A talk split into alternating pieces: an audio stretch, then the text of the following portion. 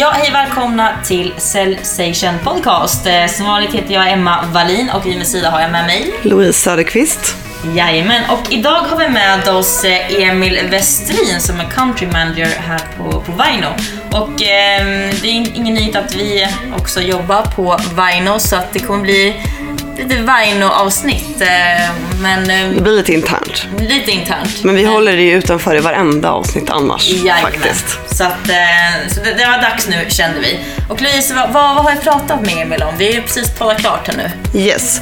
Vi pratade om, eh, för Emil var ju faktiskt den första anställda utanför eh, Finland på Vaino. Så vi pratar egentligen om men, resan av att alltså, ha byggt upp Vaino i Sverige egentligen. Ehm, för Emil har ju alltså, Emil har varit med och byggt säljteamet som finns idag i, i Stockholm när vi nu är 30 personer. Ehm, och har varit liksom en aktiv del i att skapa den, den kultur som vi, som som vi faktiskt har. Så vi pratar mycket kring det. Sen så kommer vi även in på eh, ledarskap och ledarskapsstil för att vi är många som är överens om att Emil har en otroligt bra balans mellan att vara ödmjuk men också eh, tydlig. Eh, Så det pratar vi om mycket. Ehm, Också kommer in på rekrytering av säljare. Ehm, Vad man som säljchef, eller vad Emil har tänkt på egentligen, vad han har letat efter hos, eh, hos varje individ och, och varför det har varit så viktigt. Ehm, Ja, det och med mera. Ja, mycket, mycket mer. Så vad säger vi? Vi kör igång. Vine-avsnittet. Yes, kommer här.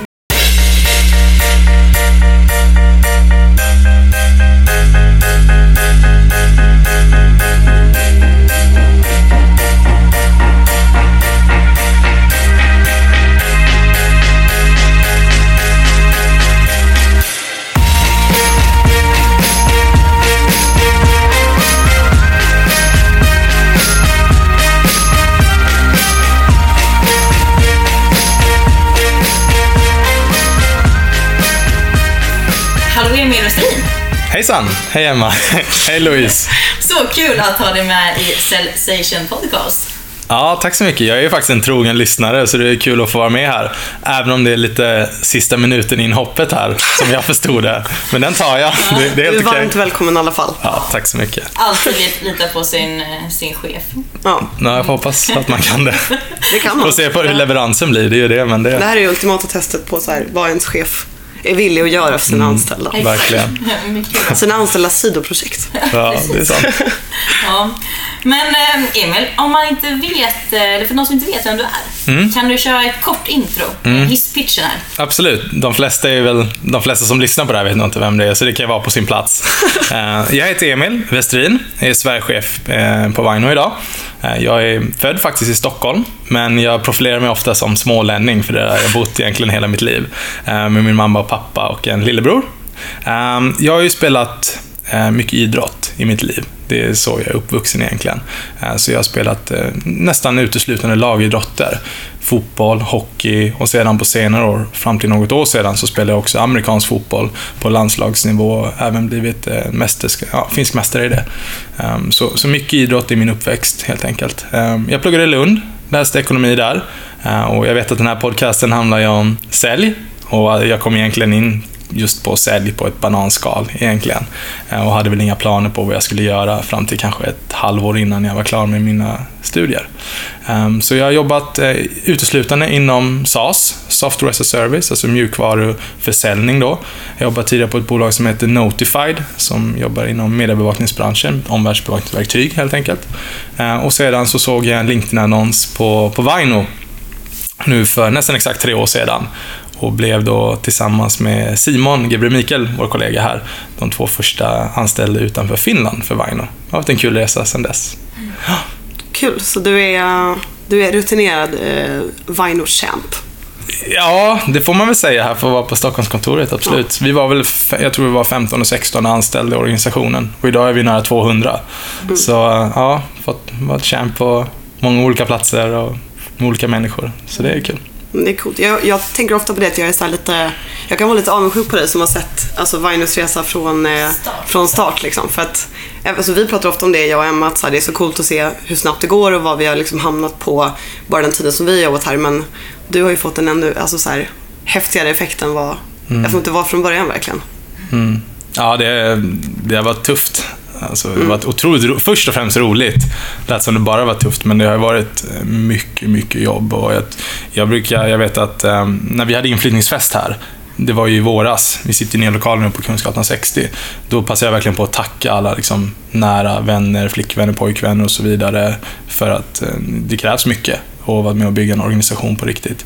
Eh, och, ehm, och det, så det, ehm, det är ja, roligt men en väldigt mm, utmanande resa som jag har varit på. Ehm, och, men, jag tycker att ehm, det var inte svårast i början. Det är svårast just idag, faktiskt. Ehm, nej, men jag, om jag ska koppla lite, alltså vi har om vi kollar själva säljet och vår, vår affär så att säga, så blir det väl relativt lättare idag än vad det var då. För idag har vi ju ett, ett mm, helt okej, välkänt varumärke. Vi har en produkt som många ehm, tycker fungerar och levererar resultat. Jag menar, vi blev ju Pro Sales, Sales Tool of the Year nu 2017 och så vidare. Så vi har ändå fått ett erkännande på marknaden. Jag syftar väl snarare rent organisatoriskt och ledarskapsmässigt. Ehm, och vi får konkurrenter på marknaden och andra. Bara komplexiteten ökar hela tiden på alla sätt och vis. Ehm, och när ni frågar mig om jag, skulle, om jag vill vara med i podcasten jag tänkte, men då måste jag ju smarta tips. Men det är jätte- jättesvårt, för jag inser verkligen att det här är den svåra saken om svåra saker. Att, att bygga en organisation. Och, och om ni skulle fråga mig vad gör en bra säljare, en bra säljchef, en bra säljorganisation? Jag ska försöka svara, men det är verkligen komplext. Och det vet alla som varit med och byggt en organisation.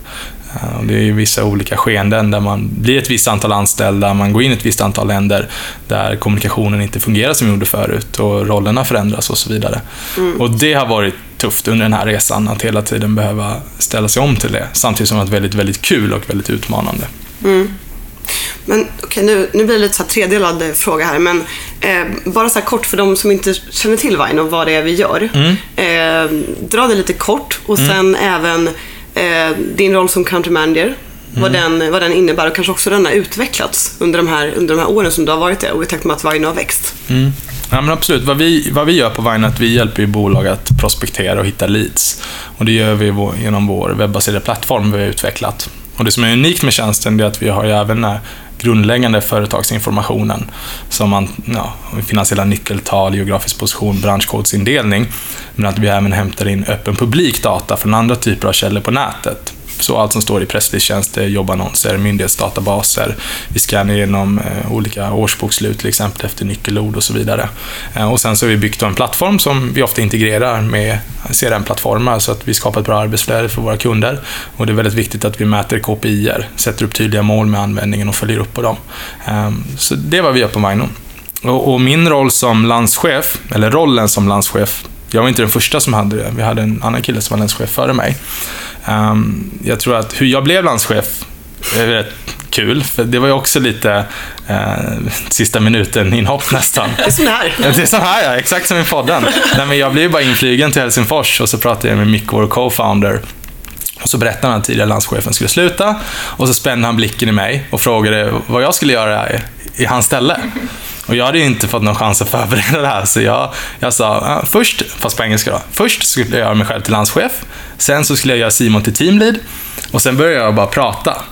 Och jag kommer ihåg att Mikko tittade på mig och han hade nog lite smile i mungipan för han förstod att det var en väldigt svår situation. Så jag pratade på i två minuter om allt möjligt och så blev jag bara tyst. Och då tittade vi på varandra och så sa Mikko bara okej, okay, that's what we'll do. Och så var det bara massvis med info och så köra. Så, men, men rollen har utvecklats på det viset att um, vi har ju specialiserat oss mer och mer på kontoret. Louise, du jobbar till exempel i client management. Ni är ju en egen enhet idag och du rapporterar ju inte till mig egentligen, utan jag som landschef är ansvarig för vår svenska verksamhet, våra svenska kunder och vår kundanskaffning, alltså försäljningen och att vi får in nya kunder. Men sedan så är inte jag inne i varje detalj i organisationen. Clientsavdelningen sköter sig själv och sen så har vi Emma, du är med i Real Time Sales. Du har ju, du är ju helt egen enhet. Du rapporterar inte heller till mig på något vis. Mitt största ansvar som jag ser det, det är att, att vi alltid är kundcentrerade och tänker på kunden hela tiden och utvecklar vår verksamhet och vår produkt efter vad marknaden behöver, just i Sverige. Eh, och sen också att vi fungerar som ett lag, trots att vi har olika eh, har olika positioner om man ska säga så, i olika avdelningar. Men att vi ändå liksom ser oss själva som en grupp. Och man får ju tycka vad man vill om Donald Trump, men jag skämtade i början på året att det skulle vara Sverige först.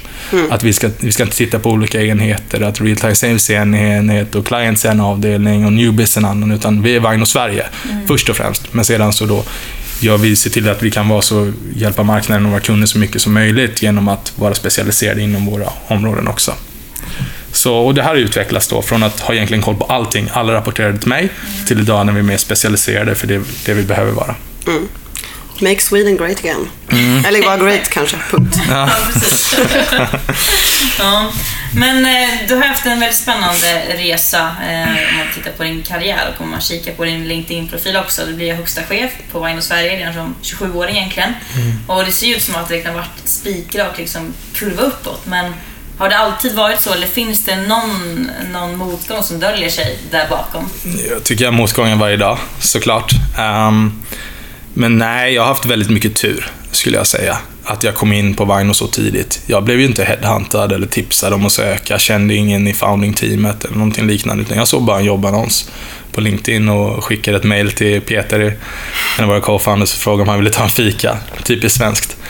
Um, och kom in och blev inte lovad någonting. Som business development manager var liksom den första rollen man kom in på. Den enda rollen som fanns då. Eh, och, och gjorde bra ifrån mig och blev teamlead efter två månader och landschef efter åtta. Då när den tidigare landschefen slutade. Det var ju, jag var ju närmast sörjande nästan, så det var ju, de var tvungna att välja mig. Det var det. Skeppa över någon finne det ville vi inte. Eh, nej, men um, skämt åsido. Uh, klart det har varit motgångar. I, I min egen säljkarriär så hade jag en jättetuff start. Nu var det inte så länge sedan, det var ju fyra, fyra och ett halvt år sedan. Jag har inte jobbat jättelänge med sälj, men jag kommer ihåg de första tre månaderna så var det en extrem uppförsbacke för mig. Um, och jag minns hur tufft det var. Som, som många gör när man pluggar på annan ort, eller annat land till och med. Vi har ju lite finska kollegor här också på kontoret. Att man flyttar till Stockholm och går in i säljroll. Det är ett nytt liv, det är liksom ny umgängeskrets, det är, det är krav liksom på alla sätt och vis. Det är, man har så mycket förväntningar på sig själv också om man är en högpresterande människa. Och det minns jag var väldigt tufft. Min flickvän flyttade med mig till Stockholm, Ella, hon är finska. Hon hade ingen jobb första månaden egentligen, gick runt och sökte.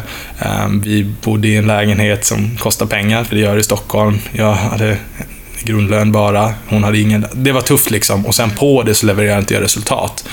Uh, och, och, det var, det var super, super tufft. Så jag har, men det har lärt mig väldigt mycket uh, om mig själv och också om vilken situation många är i när man kommer in i, till oss då, ska vi säga specifikt då, när vi anställer nya säljare och det kanske inte tar iväg spikrakt uppåt. Uh, men det jag vet att jag gjorde väldigt bra och jag tror mina kollegor såg där också, på, det här var ju på Notify när jag var på den tiden, att, att jag verkligen försökte och hade rätt attityd och ville utvecklas hela tiden. Och det är någonting jag som ledare också försöker alltid ta med mig. Att eh, attityd kommer alltid först, det är så. Och även vad säljresultaten säger under en viss period har man gjort allt vad man kan. Mm. På individnivå eller på teamnivå, det är ingen, det är ingen skam i att inte nå sina mål om man verkligen har gett allt.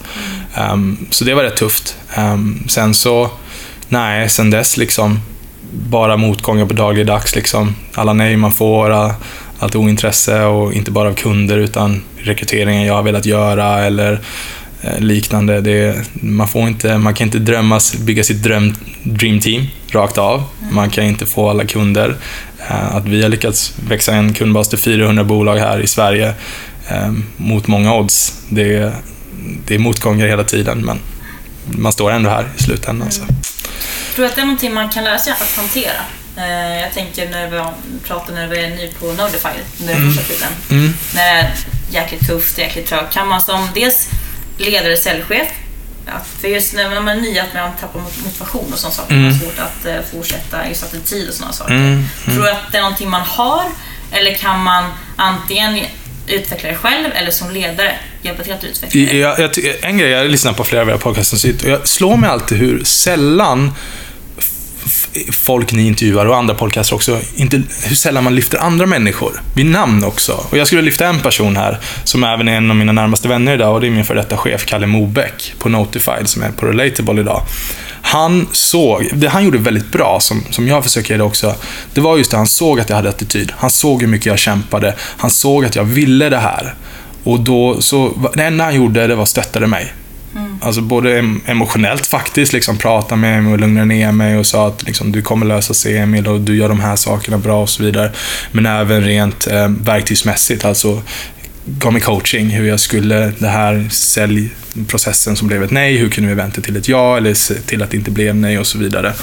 Så, så svaret på din fråga, det, jag tror att eh, det, det krävs väldigt mycket stöd och hjälp av säljchefen och jag tror säljchefer kan göra en väldigt stor påverkan, en positiv sådan, när en anställd har, har det svårt. Samtidigt så ska man väl vara väldigt tydlig med förväntningar och en mål och kravbild också. Men, men om personen gör två tredjedelar rätt och vill göra den sista tredjedelen rätt också, då, då ska man kunna vara där och coacha och stötta. Absolut. Sen så tror jag, jag har ju fått väldigt mycket från idrotten.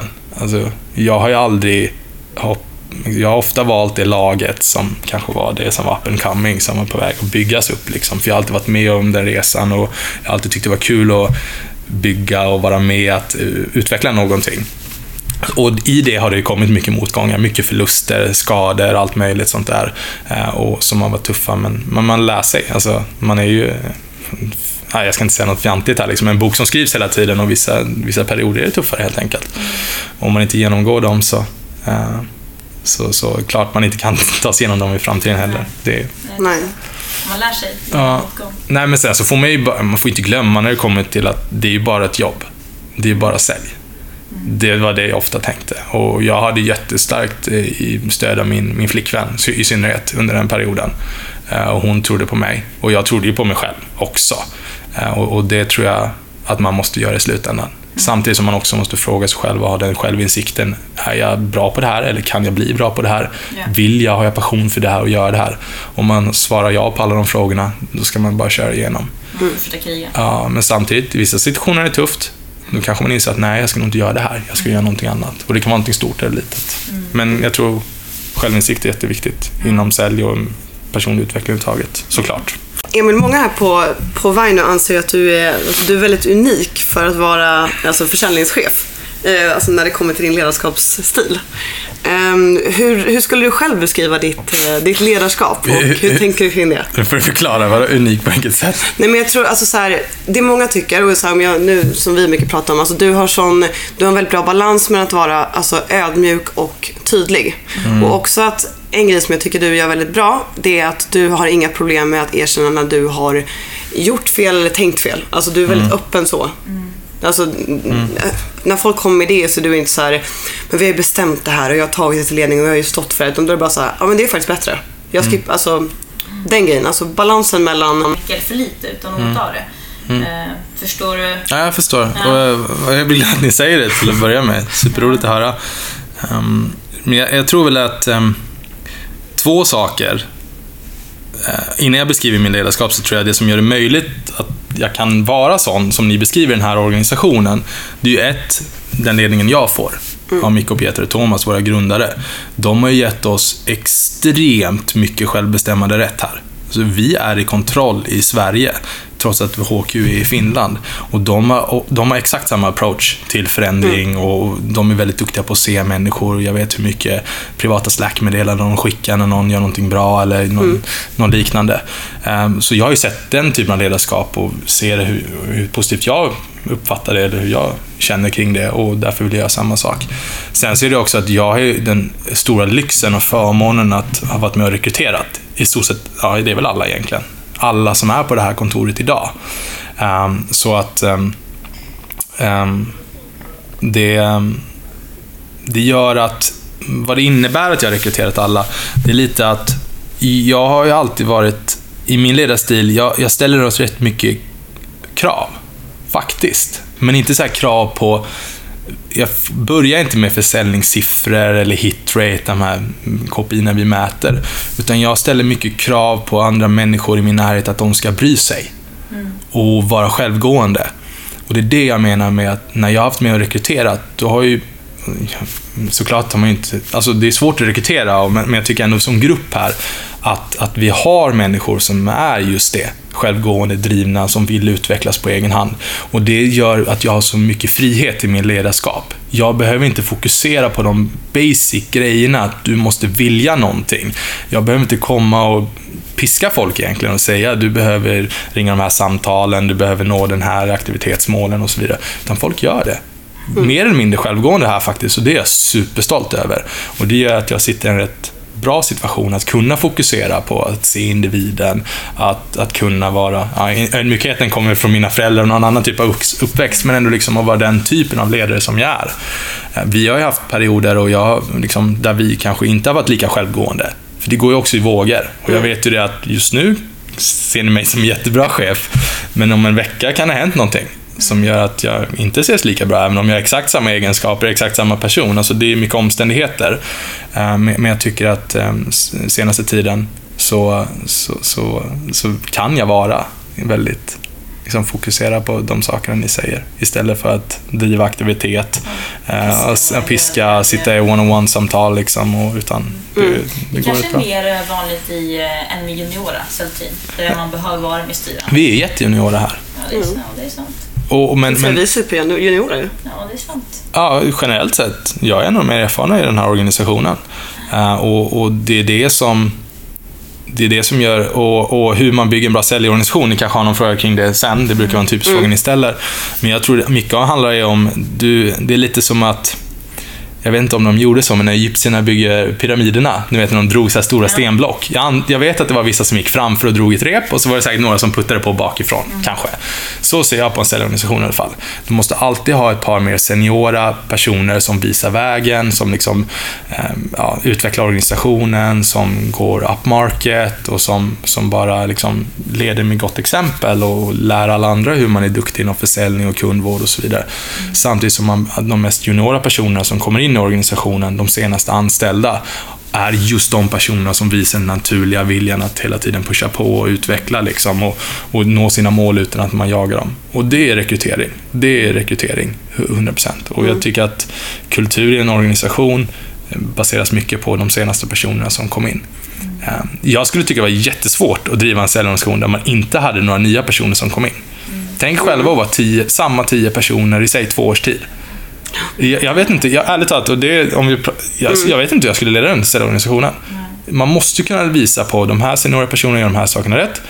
Medan de här juniora personerna kommer in och visar precis rätt attityd och driver på och visar alla andra, oss som har varit längre, att, att vi inte kan bli bekväma, att vi hela tiden måste utveckla oss som organisation. Mm. Du var inne lite på det, alltså när, med rekrytering, alltså, men, eh, alltså lite på så här, vad, vad, du tittar på. Men mm. så här, igen, så här, när, när, du, när du har rekryterat, så, men typ hela, Stockholm, hela Stockholmskontoret egentligen. Mm. Vad, alltså, är det något speciellt du har så här, letat efter? Ja. Som så här, det här liksom, check in the box, för då... Mm. Självinsikt. Självinsikt? Ja, ja. absolut. Um, jag, jag, tror att för att, att sälj, det jag, en av sakerna jag uppskattar med sälj, det är ju den här konstanta feedback-loopen som finns. Varenda samtal, varenda möte, varenda offert som skickas. Du får ju rätt, oftast i alla fall, ett svar på den. Och det är antingen positivt eller negativt. Och jag tror det är väldigt stor skillnad på en säljare eller en individ som analyserar varför fick jag det svaret jag fick och vad kan jag göra annorlunda nästa gång? Jämfört med de som bara tänker, jaha, jag fick nej den här gången, jag skickar ut nästa, nästa gång får jag säkert ett ja. Och bara agera på samma sätt hela tiden. Alltså, det är klart aktivitet är grunden för all typ av försäljning. Jag har sagt många gånger i den här podcasten. Men att man inte gör samma, exakt samma aktivitet om och om, om igen. Och det, jag pratar mycket om, liksom ställer mycket frågor om, om uppväxt, om hur de trivs på sin nuvarande arbetsplats, om eh, vad deras föräldrar sysslar med, vad deras närmaste vänner gör, liksom, vad, varför, och, och mycket följdfrågor. Så här, bara, vad gjorde du när du växte upp? Jag spelade amerikansk fotboll. Varför spelade du amerikansk fotboll? Mm. Liksom, vad, vad, vad, vad var någonting i ditt amerikanska fotbollsspelande som du utmärkte dig på? Varför utmärkte du dig på det?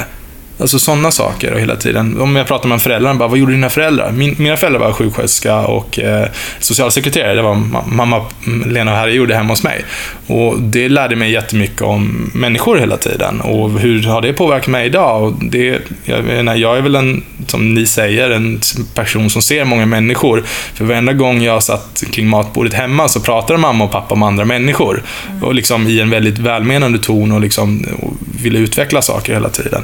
Alltså, och det är någonting det här kanske blir lite diffust nu, men, men jag bara har självinsikt och förstå mm. varför jag är som person och hur jag agerar på olika situationer. Var vill jag komma? Eh, för att eh, alltså, om folk är tävlingsinriktade, om de är intelligenta eller vad det nu kan tänkas vara man letar efter generellt. Liksom, det är rätt lätt och det är rätt lätt att förbereda sig på också inför en intervju har jag märkt. Att när man behöver visa säljresultat eller man måste ja, mm. säga någonting smart som man har hört från någon annan och så vidare, lyssna på en podcast. Men att verkligen kunna förklara hur man tänker som människa och hur man agerar i olika situationer och var man kommer ifrån och så vidare. Det krävs att man faktiskt har analyserat sig själv och det innebär att man också kommer kunna vara i olika säljprocesser och förstå varför de slutar som de gjorde och sen agera annorlunda nästa gång och hela tiden utvecklas. Det där är så, alltså, det är så här, vad säger man, huvudet på spiken på hur jag, hur jag kände efter så här, första intervjun som jag hade för mm. Vino med dig. För att det var så här, min sista termin i Lund och man ligger i hur många rekryteringsprocesser som helst. Ja. Och i princip så hade jag typ ett, ett manus, alltså så här, mm. hur jag skulle göra för att alla intervjuer var på samma sätt. Och jag fann mig i den här intervjun och var så här, ja det här är ju bara så här, de, de, alltså så här, det går inte att om jag nu hade velat fejka hur jag var så går inte det när man ställer frågor på det sättet som på något sätt gör att ni kan analysera ett beteende över en lång tid. Mm. Som då borde mynna ut till hur jag är som person. Mm. Och det var enda gången jag kände det och då är det så här, Ja, men alltså jag, jag, tror att det är en väldigt bra strategi att göra. Ja. Alltså ställa frågan liksom, istället för att så här, um, ja, men jag, jag, jag, ja, men så, men jag, istället för att så här, har du pluggat utomlands? Ja, det har jag. Det så här, varför gjorde du det? Mm. Vad var det som gjorde att du sökte utomlands? Alltså, så här, att utveckla på det sättet. Så mm. Jag kände precis så som du beskriver. Och, och en, jättekul, och just med dig Louise också, du hade ju jättemånga alternativ när du kom in. Du var ju vice ordförande i Lund Ekonomerna och så vidare. Du var ju en stjärnrekrytering från, från Lund. Om det var det det behöver du inte fnissa åt. Men, men i alla fall att um, Ödmjukheten. Ja, exakt. Nej, men skämt åsido då. Vi har rekryterat mycket duktiga personer här som har haft mycket valmöjligheter. Alltså det är hög, högkonjunktur i Sverige. Alla skriker efter säljare. Jag vet att alla här i teamet har headhunter som rycker i dem varje vecka, i stort sett. Det är inga konstigheter. Det finns andra ställen att jobba på om man vill jobba inom sälj i Stockholm. Man behöver inte vara på Vaino. Men, så, så, men det, därför blir det så extremt viktigt att en person verkligen vill jobba här. Mm. Det är många intervjuer jag har suttit på där jag känner att den här personen är superstark. Den här personen kan verkligen hjälpa oss att bygga den här organisationen och leverera resultat. Men jag har ändå sagt åt den personen, du måste själv vilja det här. Jag vill att du går hem och så vill jag att du committar till att jobba hit. Mm. Om vi erbjuder dig jobbet, det vill säga. Vi kan inte gå vidare här. Du har så mycket möjligheter. Du måste vilja det här. 100%. Mm. Och speciellt om vi tar dig som exempel Louise, för att du sa ja till oss när du skulle börja först ett fyra, fem, sex månader senare.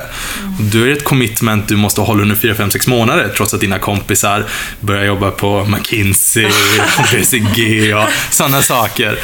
Och därför måste det vara så starkt inom dig. Och, mm. och, det kanske bara är en månad om man rekryterar från en annan arbetsplats. Folk har en månads uppsägningstid. De måste verkligen vilja komma hit. Uh, och, mm. och, det är först då jag vet att de kommer göra ett bra jobb här. Så ja, självinsikt och att de verkligen, verkligen vill jobba här. Mm. Jätteviktigt. Men vi har varit inne lite på det nu, men du har ju byggt upp hela Vinos sällteam egentligen från grunden. Och vad har du lärt under de här åren? Mm. Jag har inte gjort det själv, vill jag börja med att poängtera. Men en Ja, nej, men jag vill ju passa på att lyfta de andra personerna också. Det är ju Simon Gabriel Mikael, Josefin Nygård, eh, jag skulle säga Henrik Kureshi och Mo Jonis och Jonas Wellman. Några personer som kom in mm. väldigt tidigt på Vaino. De har varit med och intervjuat alla och varit med i alla, de flesta rekryteringsbesluten i alla fall. Um, så det är ju inte en one man show, verkligen inte. Um, vad jag har lärt mig, än en gång, alltså det, du kommer så långt som teamet. Alltså det är sån, det är sån talang, en sån talangsport det är lite, och då menar jag inte att man har förutsättningarna när man kommer in och liksom fallenhet för just sälj, men just att man behöver de bästa människorna för att växa så snabbt som möjligt. Mm. Jag vet att några av de personerna jag nämnde idag, att de kom in så tidigt som de gjorde. Det är lite, ni är väl börsintresserade, är ni inte det? Mm. Lite grann. Ja, ja men ni, ni vet äh, att ha, vad heter det? Nu tappar jag helt ordet här. Avkastning över tid. Exponentiell avkastning. Ja. Nej, men i alla fall exponentiell utveckling. Det är det, ränta på ränta-effekten, var det jag ville komma till. Ja, men precis. Att, att vi fick in vissa av de personerna så tidigt har gjort att vi har kunnat vuxi, växa. Kanske dubbelt så snabbt än om vi hade fått in dem för två år senare eller kanske inte haft de personerna utan någon annan person helt enkelt. Så det har jag lärt mig så mycket. Eh, Jag är väldigt öppen också med att jag vill bygga, inte Vino specifikt, men jag vill också bygga ett SaaS-bolag i framtiden eh, och driva min egen organisation. Och och då, alltså, rätt folk, rätt folk, rätt folk. Det, det går inte att komma ifrån det. Hur viktigt det är att ha rätt typ av personer som verkligen vill vara med och bygga det. Det är nummer ett takeaway, utan tvekan. Um, sen så tror jag att... Um, mm, vad mer har jag lärt mig egentligen? Jag fastnar ofta på det när jag tänker. För allt annat har gått så snabbt bara.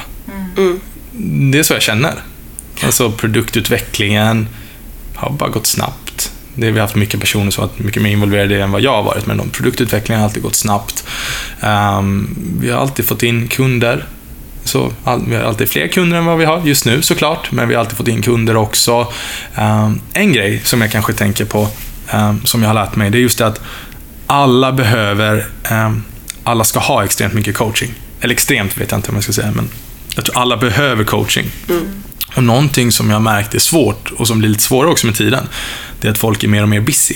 Och när jag säger folk menar jag våra kollegor här på Vino just, och jag tror det är så många andra säljorganisationer och organisationer i stort. Ehm, det är svårt att få till bara en timme tillsammans och att då förbereda kvalitativ träning, utbildning, feedback helt enkelt på den nivån. Eh, så, så det är någonting jag har lärt mig att i och med att man växer, att man fortfarande försöker träna, coacha alla både på teamnivå men även på individuell nivå. För jag vet att vi har varit rätt bra faktiskt här i vår organisation att gå med på mycket sambesök och mycket one-on-one och coaching både innan, under och efter möten och så vidare. Eh, Men jag känner att vi kan bli mycket bättre på att träna på teamnivå och det är också en satsning vi kommer göra efter årsskiftet. Så, så det är någonting jag lärt mig, träning generellt om vi ska generalisera lite. Eh, extremt viktigt att ha med sig hela tiden. Och, och, och det är någonting, tillägg bara att vi skojar om det idag. Mo berättade, vår kollega, när han kom in i våren eller sommaren 2016 och har vi funnits i Sverige ungefär ett halvår. Då var det startup onboardingen. Det var en timmes pitchträning med mig, två timmar med Mikko, bara prata om produkten och sen skulle han ringa och boka möten. Idag har vi en ordentlig, riktig onboarding. Jag är väldigt stolt över vår onboarding och det är också många personer i Vaino som har drivit det. Danny Nukkarainen till exempel och Krista Mutala. Eh, att det är nu, liksom, det är en vecka ordentlig onboarding och sedan så är det, rollerna har utvecklats lite så att det är mindre press från första stund utan man kan mer växa in i, i att jobba på vagnen på ett annat sätt. Det är någonting jag har lärt mig också, att, att onboarda och träna människor. Mm. Det vi landar igen i människorna, det är det det handlar om. Rätt människor, att de får rätt förutsättningar att lyckas. Och sen tydliga mål, tredje saken. Ja, Om jag får koppla igen. Eh, Jag tror att det är extremt viktigt att man har väldigt tydliga mål. Eh, Jag blir förskräckt varenda gång jag kommer ut på ett säljmöte och frågar en säljdirektör, då, säljchef, vad har ni för mål i den här organisationen? Och så säger de, nej men det är hur mycket man säljer. Ja, men in, vad mäter ni mer? Ni mäter väl antalet utförda möten eller hur många, hur många samtal man ringer? Nej, ingenting. Det är frihet under ansvar.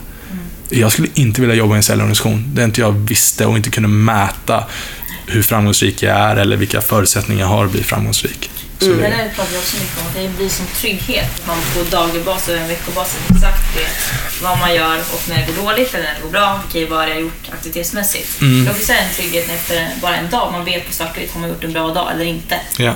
Att, ehm, så för en säljare är det också en trygghet att man vet att, att man kommer framåt Mm. baserat på aktivitet. På så sätt. Man har så tydliga kopior. Verkligen, och det, alltså, det gör det också lättare att så här, nej men alltså, är det en dålig månad rent, rent säljmässigt så kan man ju gå tillbaka och vara så här, okej, beror det här faktiskt på någon typ av otur eller alltså allmänt oflyt eller kan jag liksom se att jag har bokat så här 40% mindre möten än en månad innan, då är det antagligen på grund av det. Liksom. Exakt. Det går ju att hitta en förklaring till eh, sina misslyckanden på ett annat sätt. Liksom. Ja. Får upp papper.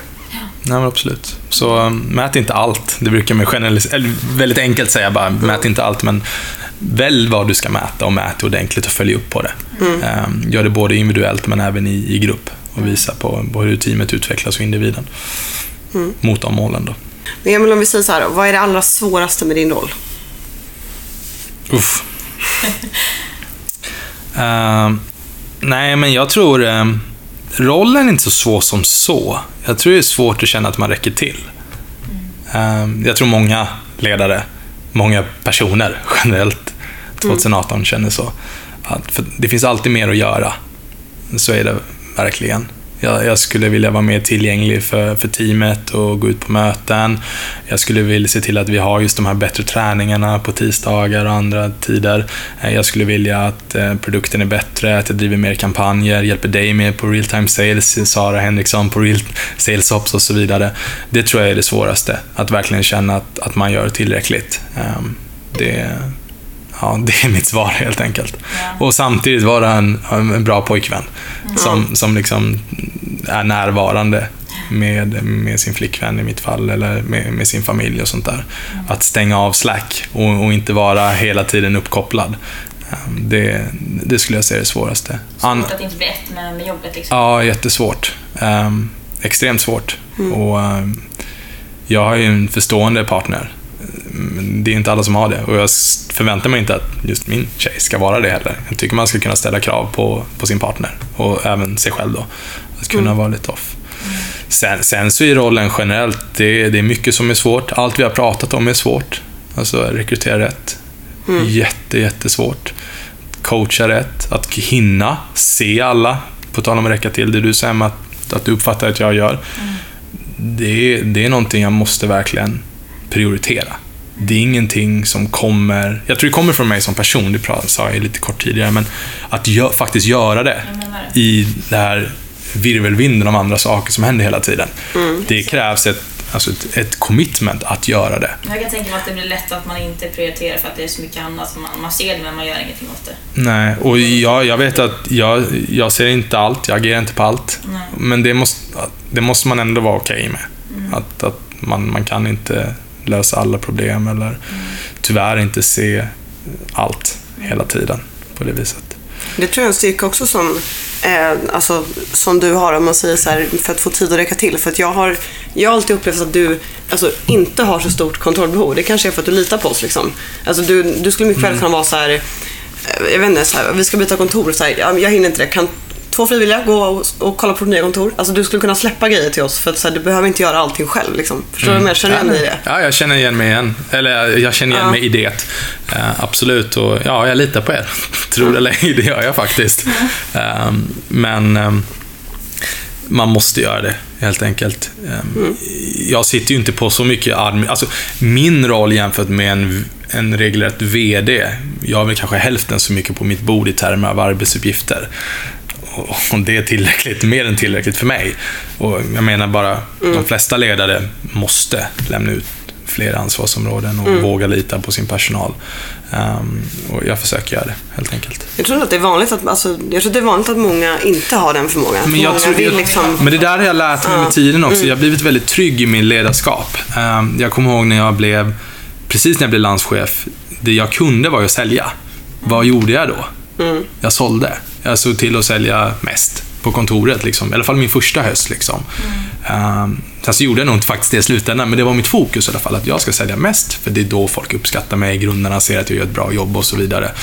Men med tiden så, så har jag inte jag säljer ju fortfarande, det vet ju ni. Mm. Uh, och, och, tycker det är superkul. Bland den största hajsen jag har i mitt yrke, det är att komma från ett säljmöte, till exempel. Det är fortfarande ett bra säljmöte.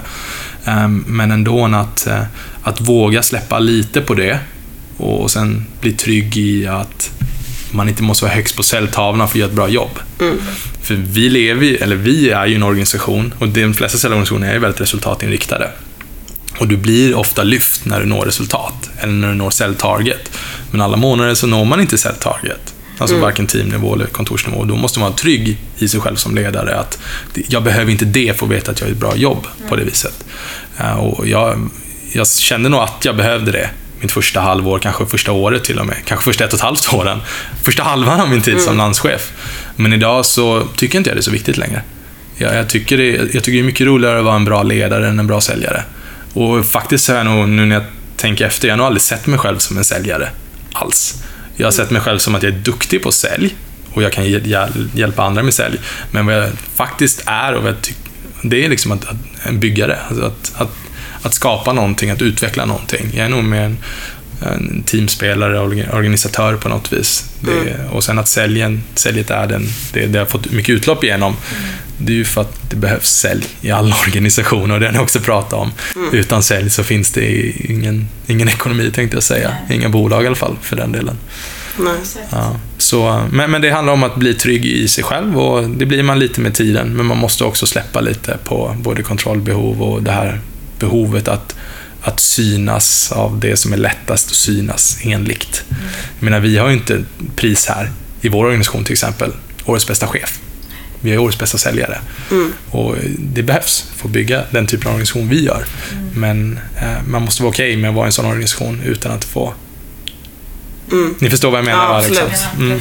Det är också, alltså, jag tycker det är, det är någonting som har utvecklats eh, alltså, väldigt positivt, om man säger typ senaste alltså, halvåret. Alltså hur vi eller hur Vaino berömmer resultat och det är olika resultat. Att vi lyfter inte bara den som har sålt mest utan vi lyfter även, alltså varje månad så lyfter man den som eh, ja, men den som har bokat flest möten, den som har ringt flest samtal, eh, den som har vänt flest kunder. Alltså vi, vi lyfter liksom olika saker så att det går Det går att, alltså flera personer kan synas egentligen oberoende. Ja, men så är det ju. Men men jag tror ändå vi ska flika in det. Jag tycker att en av våra, en av de viktigaste sakerna vi gör här på liksom en organisations, för vår organisation, det gör, vi har ju Friday wrap-ups. Och då har vi alltid en del av den wrap-upen är någon som vill lyfta någon. Och då brukar det väldigt sällan, jag brukar ju lyfta den som har sålt mest. Och, men, men i som grupp tror jag vi, då är vi rätt bra på att jag vill lyfta den här personen. Jag tyckte att den personen har skött köket väldigt bra den här veckan. Eller hjälpte mig med det här caset. Eller jag tyckte det var jättekul hur ni anordnade den där eh, liksom AWn eller någonting liknande. Lite mer mjuka värden. Superviktigt. Eh, och jag kan ge ett tips nu redan. Kan, får, jag, se- får jag ge tips sen eller? Ja, ja, men, ja absolut. Nej, men, jag, det här tipset kommer från Nils Olsson på Lunda Logik, eh, Lime Technologies. Jag måste credda honom för jag tog det rakt av från honom. Tack så mycket Nils. Eh, det är att ha en trivselkommitté på kontoret. Och Louise, du var med i founding team på trivselkommittén. Första För- trivselkommittén. För att, att ha självinsikt, det är att jag är inte en så rolig typ. Jag är inte den roligaste landschefen och jag är smålänning dessutom. Så jag, vi har ju ett trivselkommitté som ansvarar för allt det sociala och det roliga. Och det tror jag direkt från Lime. Tack Nils. Men, men i alla fall, det, det tror jag att, eh, att liksom skapa eh, olika, dela med av ansvaret att folk ska må bra. Det, jag kan inte göra allt som chef och det kan inte de flesta cheferna som lyssnar inte på det här heller göra. Man kan vara tillgänglig och försöka se människor men man måste få hjälp. Och det tror jag är en group effort. Så utse trivselkommittéer där ute i Sverige. Så kan vi ha en trivselkommitté-podd sen. Vad, innebär det här då? Ja, Louise, berätta vad trivselkommitté är. Ja, men, eh, trivselkommittén på Vine tillsattes ju, när var det då? Det var ju alltså precis i början... När kan det ett vara? år sedan? Det är typ ett år sedan, ja. Ja, nästan exakt. Alltså, Emil headhuntade mig tillsammans med Kristoffer Bridholm och Fredrik Karlsson. Och vi skulle ju då eh, egentligen eh, göra olika, olika typer av aktiviteter för att få eh, Stockholmskontoret att ha kul. Mm. Och så fick vi alltid en eh, budget av Emil, smålänningen, som vi alltid spräckte. För lite pengar. För lite pengar. Eh, nej men vi, alltså vi gjorde ju allt från så här, ja, men, julfest, eh, kräftskiva, eh, vad hade vi mer? När folk fyllde år och sånt så Ja. ordnade ni tårtor och även små saker. Liksom, Ja. så. Men det Vad var firas av vi? jul, julkalendern hade vi förra året. Just det. Ja, men nu är det en ny mm. trivselkommitté så nu är jag, Ja. jag är pensionerad. Ja, det, ja, det kanske blir lite Vine internt där, men, men ändå, det är ett seriöst tips. Alltså, dela, som chef, dela med dig av ansvaret och få folk att må bra och ha roligt. Det är det. Om man eh, som chef och så har man säljare som inte levererar Mm. och säljer resultat, alltså om inte når sina mål. Vad, hur kan man gå tillväga i, dessa, i de här situationerna? Dina bästa liksom... Mm. Ja, det där är jättesvårt och jag tror inte jag är någon, jag är ingen jätte, ehm, ingen expert på det här på något vis, men jag tror och vad jag har gjort tidigare, det är ju att ehm, först och främst titta på sig själv och organisationen. För man måste verkligen förstå om, är målen tillräckligt tydliga? Och har den här personen rätt förutsättningar, verktyg, coachingstöd att nå målen? Nummer ett.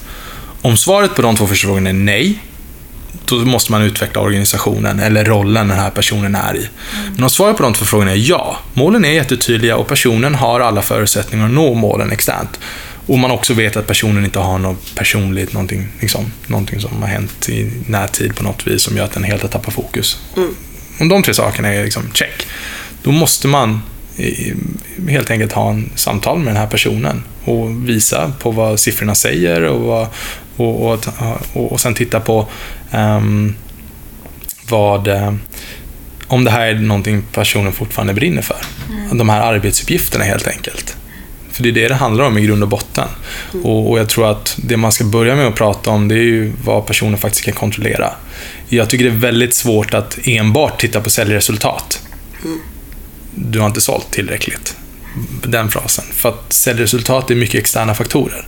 Alltså det, ju, det finns ju en köpare i varje transaktion och köparen kan säga nej. Köpare kan bli sjuka, köpare går på en föräldraledighet, vad som helst. Liksom. Men, men man måste titta på det, liksom, sakerna personen faktiskt kan kontrollera. Som till exempel aktivitet, eller hur man strukturerar ett möte, hur man följer upp sina säljprocesser och så vidare. Om det är någonting personen inte klarar av att nå, av någon anledning, och det första brukar ju vara attityd helt enkelt. Man vill inte nå det, man har inte motivationen att nå det, man har inte passionen för att göra de här arbetsuppgifterna. Då tycker jag man ska ha ett samtal med personen och fråga om det här är verkligen rätt arbetsplats. Mm. Jag har haft sådana samtal och de kan sluta väldigt, väldigt bra faktiskt. Att personen helt enkelt inser att men det här är någonting jag verkligen vill göra, jag tycker det här är kul och det har blivit förbättrade resultat. Men det har också varit samtal där, in, där man ändå har, har inte kommit överens nödvändigtvis, men ändå det blir tydligt att personen inte verkligen trivs i den här arbetsrollen eh, och dess arbetsuppgifter. Och jag tror som chef har man ett jättestort ansvar att se till att alla människor ska vara, eller alla kollegor ska vara framgångsrika. Eh, och helst ska de vara framgångsrika i organisationen. Men än en gång, det finns mycket andra alternativ där ute. Ehm, så, så det skulle jag säga. Men nu gick vi till egentligen sakens spets genom hela, liksom, men först och främst så, titta på, än en gång, liksom, är målen tydliga nog? Är, är förutsättningarna rätta för den här personen att vara framgångsrik? Mm. Om det inte är det, titta på dig själv och din organisation. Annars, sitt ner med personen, prata med dem och kom underfund med om det här är någonting personen verkligen brinner för och vill göra. Mm. Om personen säger ja, jätteviktigt, investera allt du kan allt man kan i den här personen. Stöttning, coaching, eh, följ med dem på varenda möte om det ska krävas. Allting. Har de rätt attityd och vill göra det här och ser sig själva vara framgångsrika i, i det de gör. Investera allt. Men sen annars så ska man ändå ha ett väldigt öppet samtal om att det finns andra alternativ också. Mm. Det går inte att komma underfund med. Eller det går inte att komma ifrån. Det är en verklighet. Och det handlar inte bara om sälj. Jag skulle säga det om, handlar om de flesta yrkena. Jag tror att sälj får mycket bad rep att, för att det är så tydliga siffror att, man ska, att det kan uppstå sådana situationer inom säljyrket. Mm. Men det är alla typer av arbetsroller tror jag. Mm. Det är bara att det här är så tydligt på något vis och mäts på ett annat sätt. Men jag tror att om, om någon lyssnar på det här som inte är nöjd med vad de gör, sin arbetsplats i dagsläget, det finns så mycket bra alternativ där ute. Om du är VD får du en fet fallskärm i alla fall. Så det, nu är ju inte alla det liksom, men ändå. Nej, men skämt åsido. Så, det är en jättesvår fråga. Och, men men tror, tror, du så här, för man pratar mycket om motivation, att man ska ja. motiverad. Tror du att det är någonting som går att hitta och få fram hos en individ? Eller måste du ha det inom sig? Kan man hjälpa på traven att få liksom måla upp en bild att här kan det vara och då på så sätt få fram motivationen? Är du med på hur jag menar? Ja, jag är med. Men det är omöjligt att svara på. Ja. Ehm, det är båda två kan funka. Ja. Men jag tror fortfarande att du behöver någonstans grundmotivation. Mm. Du, du, måste förstå varför du vill göra de här sakerna och vad det ska resultera i mm. på något vis. Um. Mm. Och det är lite det som är motivation, att det inte är någon som ska säga åt dig vad du ska känna eller tycka. Utan ja. motivation, alltså på något sätt så är det lite definitivt. Lite så. Men jag tycker du lyfter, alltså en viktig sak som jag tycker du lyfter är att det första man, alltså, om vi säger att någon, men, någon inte alltså, levererar resultat eller liksom uppnår de mål som är satta. Mm. Att det första man gör är inte att titta på, eh, på den individen utan att man börjar med att bredda perspektivet. Det är så här, är det något som är fel här? Mm. Har jag inte har jag inte varit med på ett enda möte med den här personen på de senaste två månaderna har vi inte haft eh, mm. one-on-ones eller någonting.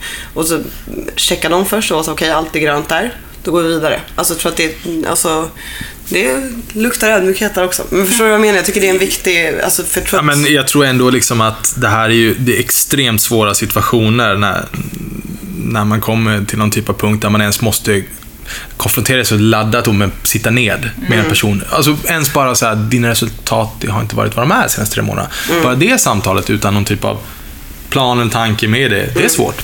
Um, och man måste verkligen, um, vad tänkte jag säga?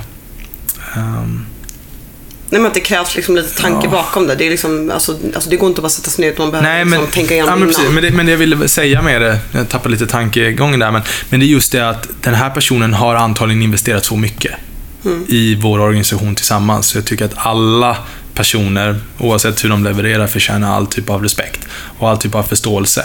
Ehm, och om- om man sitter i en sån situation så måste man ändå ha med sig att den här personen har antagligen gjort allt hon eller han kan. Ehm, och när man inleder det samtalet, faktiskt. Det vill jag säga bara. Det glömmer man ofta i alla de här siffrorna och svart på vitt vad säljresultaten är. Personen har nog gett allt. Eller nästan allt. Mm. Och det ska man komma ihåg. Yes. Vi närmar oss faktiskt La, La Grande Finale här. Brukar de vara så här långa på? Ni kommer ju klippa sönder det. Vi pratar bra alltså. Men jag har ju inte så här, jag har inte så här förberedda tre stycken bullet points, så det blir lite utdraget. Så. Ja, gott och ont med det. Ja men exakt. Du, du är vår chef så du får lite vipplängd på ditt avsnitt. Ja, det ska jag komma ihåg. Ja, Tre timmar och 40 minuter. Nej, det är sista frågan. Alltså. Det ska vi inte behöva. Yes. Nej, men så här, det vi vill fråga dig är, vem tycker du att vi ska bjuda in som gäst till eh, den här podden och varför? Mm, vad bra. Eh, Så jag, jag sa att jag var smålänning. Från Oskarshamn är jag, om jag inte sa det. Väldigt stolt Oskarshamnare måste jag säga. Det går bra för IK Oskarshamn i Hockeyallsvenskan. Nej, men eh, två stycken Oskarshamnskor får vi säga. Skulle jag jättegärna vilja rekommendera och ta kontakt med. Den första är Sofie Källström. Jag tror du var i kontakt med henne, Emma, redan på är det Smart Generation Invest. Som är ett generationsskifte investmentbolag. Jag såg henne i en video, hon, hon sa det. det. var en snygg pitch där Sofie, om du lyssnar på det här. Henne skulle jag verkligen rekommendera. Eh, grym person. Ehm, sedan så en annan Oskarshamnska är Victor, Victoria Wickman. Om jag inte missminner mig på Relatable, samma bolag som Kalle jobbar på. Båda de två ehm, tror jag verkligen ni skulle vilja få in i den här podden. Noterat. Noterat ja. Yes. Samtal imorgon ja, Ja, bra. direkt. Ja. Snyggt. Ja. Det var, det var alldeles. ja. Fantastiskt kul att ha dig med Emil i podden. Kul att vara här. Ja. Det ska bli spännande att höra sin egen röst. Ja, visst. Nej, jag, vi gör ju mycket YouTube-videos, jag vet nu hur det låter. Du vet hur det låter. ingen nyhet. Ja, exakt. Ja, men stort tack där ute för att ni lyssnade på detta avsnitt så hörs vi igen i nästa vecka. Ha det bra. Ha det bra. Hej! Hej.